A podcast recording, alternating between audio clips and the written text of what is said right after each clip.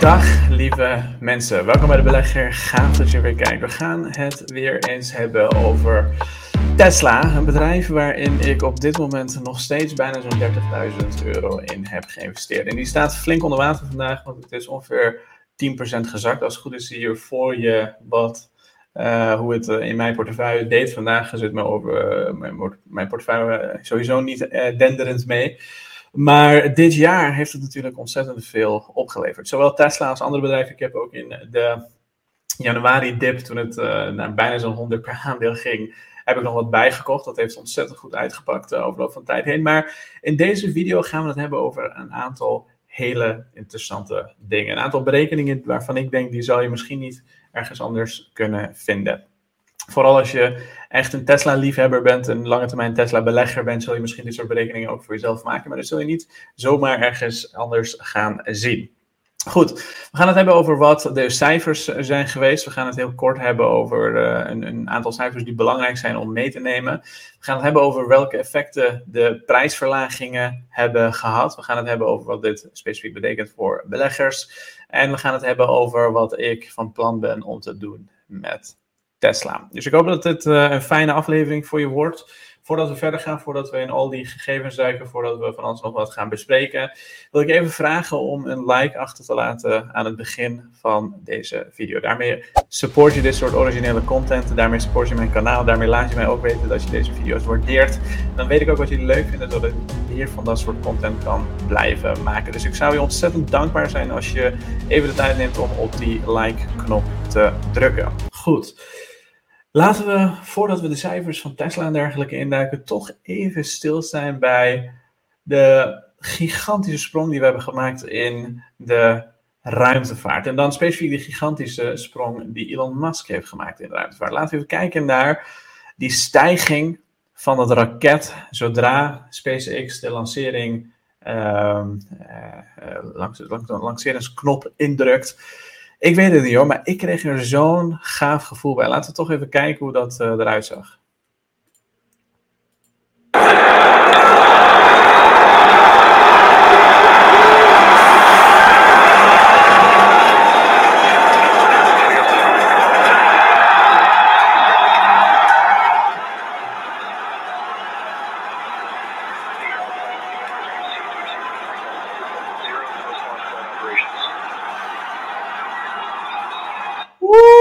Jongen, echt kippenvel. Het is echt uh, on, on, ongelooflijk gaaf om dat, uh, om dat te zien. Heeft verder niks met deze video te maken, maar ik wilde het toch even met jullie delen. Omdat ik dat soort dingen vaak in mijn eentje bekijk. En ik weet dat er heel veel mensen zijn die interesse hebben in dat soort dingen. En dan kunnen we het in ieder geval even samen ook hebben gezien. Laat me weten in de comments wat je ervan, uh, wat je ervan vindt. En... Maar goed, laten we even meteen beginnen met de cijfers van Tesla. Kijk, ik ga niet uitgebreid stilstaan bij iedere kleine cijfertje van, uh, van Tesla. Dat deed ik vroeger, denk ik, uh, een stuk vaker dan nu. Maar ik, ik ga ervan uit dat mensen die mij nu al wat langer volgen, die de afgelopen jaren er, uh, erbij zijn geweest, dat jullie inmiddels wel op een beleggingsniveau zitten waarvan je zegt: Ik begrijp al die dingen. Ik kan het in mijn eentje zelf bekijken en ik snap het. Dus ik ga je vooral de meest interessante gegevens met je, met je delen. Dus laten we even eerst kijken naar de winst en de omzet. Winst per aandeel kwam precies uit in de lijn der verwachtingen. Dat is 25, 85 cent wat analisten hadden verwacht. En het kwam ook precies op 85 cent uit. Omzet, uh, 23,33 miljard tegenover 23,21 miljard was de verwachting van analisten. Dus ook dat kwam precies in de lijn der verwachtingen. Dus dan vraag je je misschien af, waar komt het door dat Tesla is gedaan? En dan gaan we zo meteen behandelen, maar Laten we eerst even verder gaan in die cijfers. Dus de winst die daalde met 24% tegenover een jaar gedeeld, uh, geleden. Maar het is niet iets wat we niet hadden verwacht. We hadden natuurlijk verwacht door alle macro, macro-economische omstandigheden. Ik denk dat ik jullie inmiddels niet hoef te vertellen wat die zijn. Door al die macro-economische omstandigheden waar niemand ook maar enigszins wat controle over heeft. Daar komt het natuurlijk door. En door die hoge rentes kunnen mensen wat minder geld lenen. En een van de dingen waar de meeste mensen geld voor lenen zijn auto's, huizen, dat soort zaken. En auto's die krijgen dus een flinke klap. En um, dat is ook een van de redenen dat Tesla natuurlijk eh, zakt. Een van de belangrijkste redenen is natuurlijk de marges. De marges die, daar had Tesla heel vaak laten weten dat ze niet onder de 20% zouden uitkomen. Ze zijn nu wel ietsjes onder de 20% uitgekomen. Dus dat is, dat, dat, dat, dat is zeker bovenop die prijsverlagingen is dat natuurlijk vervelend om te zien. En de vraag is, waar gaat het heen? Goed, dat gaan we zo meteen even allemaal bespreken. Maar laten we ook even stilstaan bij wat beleggers missen. Hè. In die cijfers kun je heel veel verschillende zaken zien. Uh, ik zal zo meteen uitleggen wat dat uh, specifiek betekent. Maar een van de dingen die beleggers bijvoorbeeld missen is dat Tesla Energy, uh, de omzet schoot omhoog naar anderhalf miljard aan omzet. Een stijging van 148% in vergelijking met dezelfde periode vorig jaar. En de uitrol van de energieopslagsystemen, dus vergelijkbaar met die dingen maakt Alpha bijvoorbeeld ook, uh, had een stijging van 366 uh, 360% in gigawatt hertz. Dus dit is wel een verhaal wat beleggers missen. Kijk, de omzet is 24% gestegen. 18% daarvan was uh, of is automotive revenue, dus de, totale verkoop van auto's. Maar wat je ziet is vooral de energieopslaggedeelte, uh, die groeide met 148%. En de services revenue groeide met 44%. En dat is wat ik denk Um, dat iets is wat heel veel beleggers missen. En uh, ze missen het vooral omdat dat iets is wat ontzettend harder groeit dan de automotive revenue op dit moment. De automotive revenue is 18% gegroeid. De uh, andere zaken zijn, uh, nou, in ieder geval de services revenue is twee keer zo veel ge gegroeid.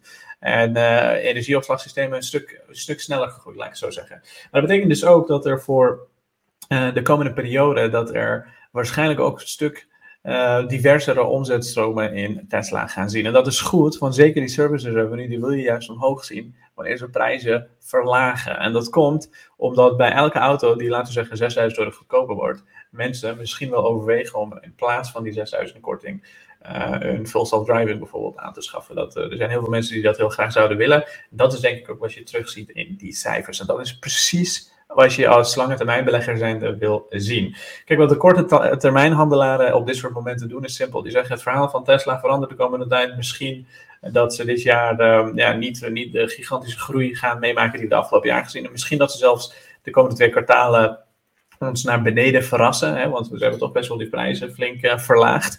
Uh, wij blijven weg van dit aandeel, zeggen de korte termijn handelaren. Je weet, Tesla is super volatiel. Bij ook maar de kleinste hik. En in dit geval is het niet eens een hik, want het is nog steeds de lijn der verwachtingen. Maar zelfs dat willen mensen niet op dit moment op de beurs zien. Ehm, bij de kleinste hik zie je al een hele grote sprong in die koers. En dat is dus wat je ook vandaag aan het zien bent. Laten we even kijken naar wat de effecten waren van die prijsverlaging. Ik heb hier een uh, berekening uh, gemaakt, die zal ik ook hier even op de scherm met jullie uh, delen. Kijk, is een hele simpele rekensom. Als je de totale automotive revenue deelt en dat uh, neemt en dat deelt door de total deliveries, dus het aantal geleverde auto's, dan kun je een simpele berekening maken wat de omzet is per verkochte auto. Dus wat de average sales price uh, is, oftewel hoeveel, voor hoeveel de auto's gemiddeld worden verkocht. En per stuk. En um, als je die berekeningen loslaat, ik heb hier uh, die berekeningen zelf even gemaakt, dan zie je een aantal hele interessante dingen. Je ziet bijvoorbeeld dat uh, in Q1 2022 de gemiddelde omzet per verkochte auto was, of per geleverde auto, ik zal het zo zeggen, was 54.383. Dat is in Q2 2022 omhoog gegaan naar 57.000. Q3 is het weer teruggezakt naar de oude, uh, oude prijs. Q4 2022 is het naar beneden gezakt naar 52.000 en Q1 dit jaar is het naar 47.000 per stuk gaan. Dat is een, een daling van 10%. Dus Q1 is ongeveer 10% gezakt. En dat is een van de redenen waarom uh, de meeste uh, korte termijn die denken dat de winsten van en de omzet natuurlijk uh, groei van Tesla onder druk zal staan. En de vraag is of die korte termijn handelaren misschien ja, of, of zij wel de strategie en dergelijke begrijpen. Want vaak wat je ziet bij korte termijn handelaren, die kijken naar technische analyse, die kijken vaak naar de koersbewegingen, die proberen allemaal patroontjes te ontdekken en dat soort dingen. Die proberen een korte termijn te pakken met 300, 400 euro winst of whatever ze er tevreden mee zijn. Dat is wat korte termijn handelaren doen. Daar is niks mis mee. Iedereen, uh, ja, laten we zeggen, verdient zijn brood op zijn eigen manier. Maar het is wel zo dat als je op de koers focust, als je niet begrijpt wat het fundamentele verhaal achter die cijfers is. En wat je dus op dit moment ziet, is natuurlijk een veel breder plan. Ik heb ook een artikel geschreven, uitgebreid op de belegger.nl. Als je die artikelen volgt, overigens, dan ben je altijd up-to-date. En dan snap je ook altijd precies waar ik het over heb en wat ik met bedrijven van plan ben en waarom ze bepaalde dingen doen. Maar als je die uh, updates hebt gevolgd, dan weet je misschien het antwoord al. Dus dan hoef ik het je niet te vertellen. Maar ik ga ervan uit dat de meeste mensen die, deze video bekijken, niet alle updates letterlijk uh, lezen. Um, maar heel simpel, kijk wat je nu op dit moment ziet. Hè, als je simpelweg naar, kijkt naar een aantal interessante cijfers. Um, je ziet dat gisteren, voordat die kwartaalcijfers naar buiten kwamen, een van de dingen die heel veel mensen niet zagen, is je zag alle autobedrijven, behalve Tesla, alle autobedrijven, dan hebben we het over een NIO, dan hebben we het over een Ford, dan hebben we het over een GM, General Motors, en uh, dan hebben we het over een Xpeng, uh, allemaal Chinese autobedrijven ook.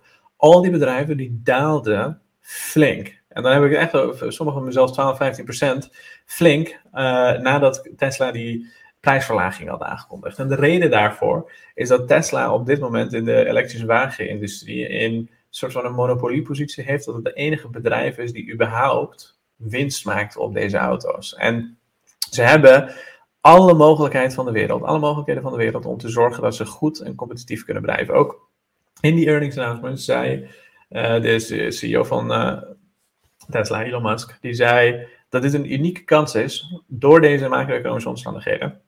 Dat het een unieke kans is voor Tesla om hier heel veel gebruik van te maken. Door die prijzen te verlagen moeten concurrenten, ze hebben geen keus, want uh, mensen staan nu voor een keuze, ze moeten een auto kopen of ze willen een auto kopen, dan gaan ze vaak voor de beste auto voor de beste prijs. En dat zijn Tesla's. En als andere conculega's die toch al flinke, flinke verliezen maken met die auto's. En dat is precies wat ik de afgelopen jaren heb gezegd dat dit uit zou komen. En dat, zien we nu letterlijk voor onze neuzen gebeuren. Al die bedrijven die moeten hun prijzen ook verlagen. En zij maken al flinke verliezen. Tesla kan dat aan. Tesla kan het aan. Oké, je geeft misschien wat winstgevendheid op. Je geeft misschien wat omzetgroei op. Dat is prima.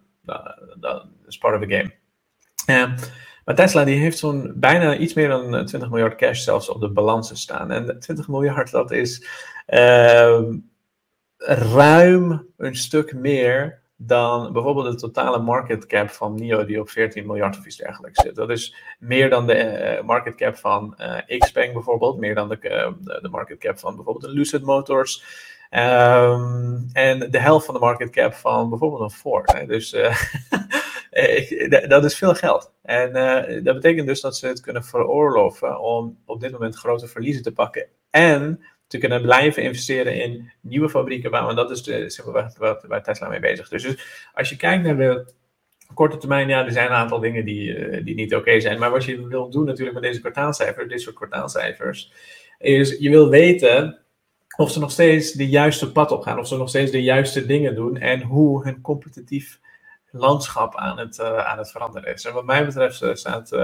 Tesla sterk in zijn schoenen. En uh, ik maak me dus ook geen zorgen wat dat betreft. En ik zal misschien ook wel de dip bijkopen, zoals ik dat ook heb gedaan in januari. Mensen die lid zijn van onze community, mensen die lid zijn van de belegger, die kunnen mijn transacties zien. En die hebben gezien dat ik in januari een flink stukje heb bijgekocht. Want die, mijn Tesla uh, aandelen die stonden op uh, ja, meer dan duizend zoveel procent uh, winst. En het is uh, naar beneden gezakt. Inmiddels staat het 400 procent winst, omdat ik een gemiddelde aankoopkoers wat lager heb gekregen door juist bij te kopen, zelfs in deze tijden.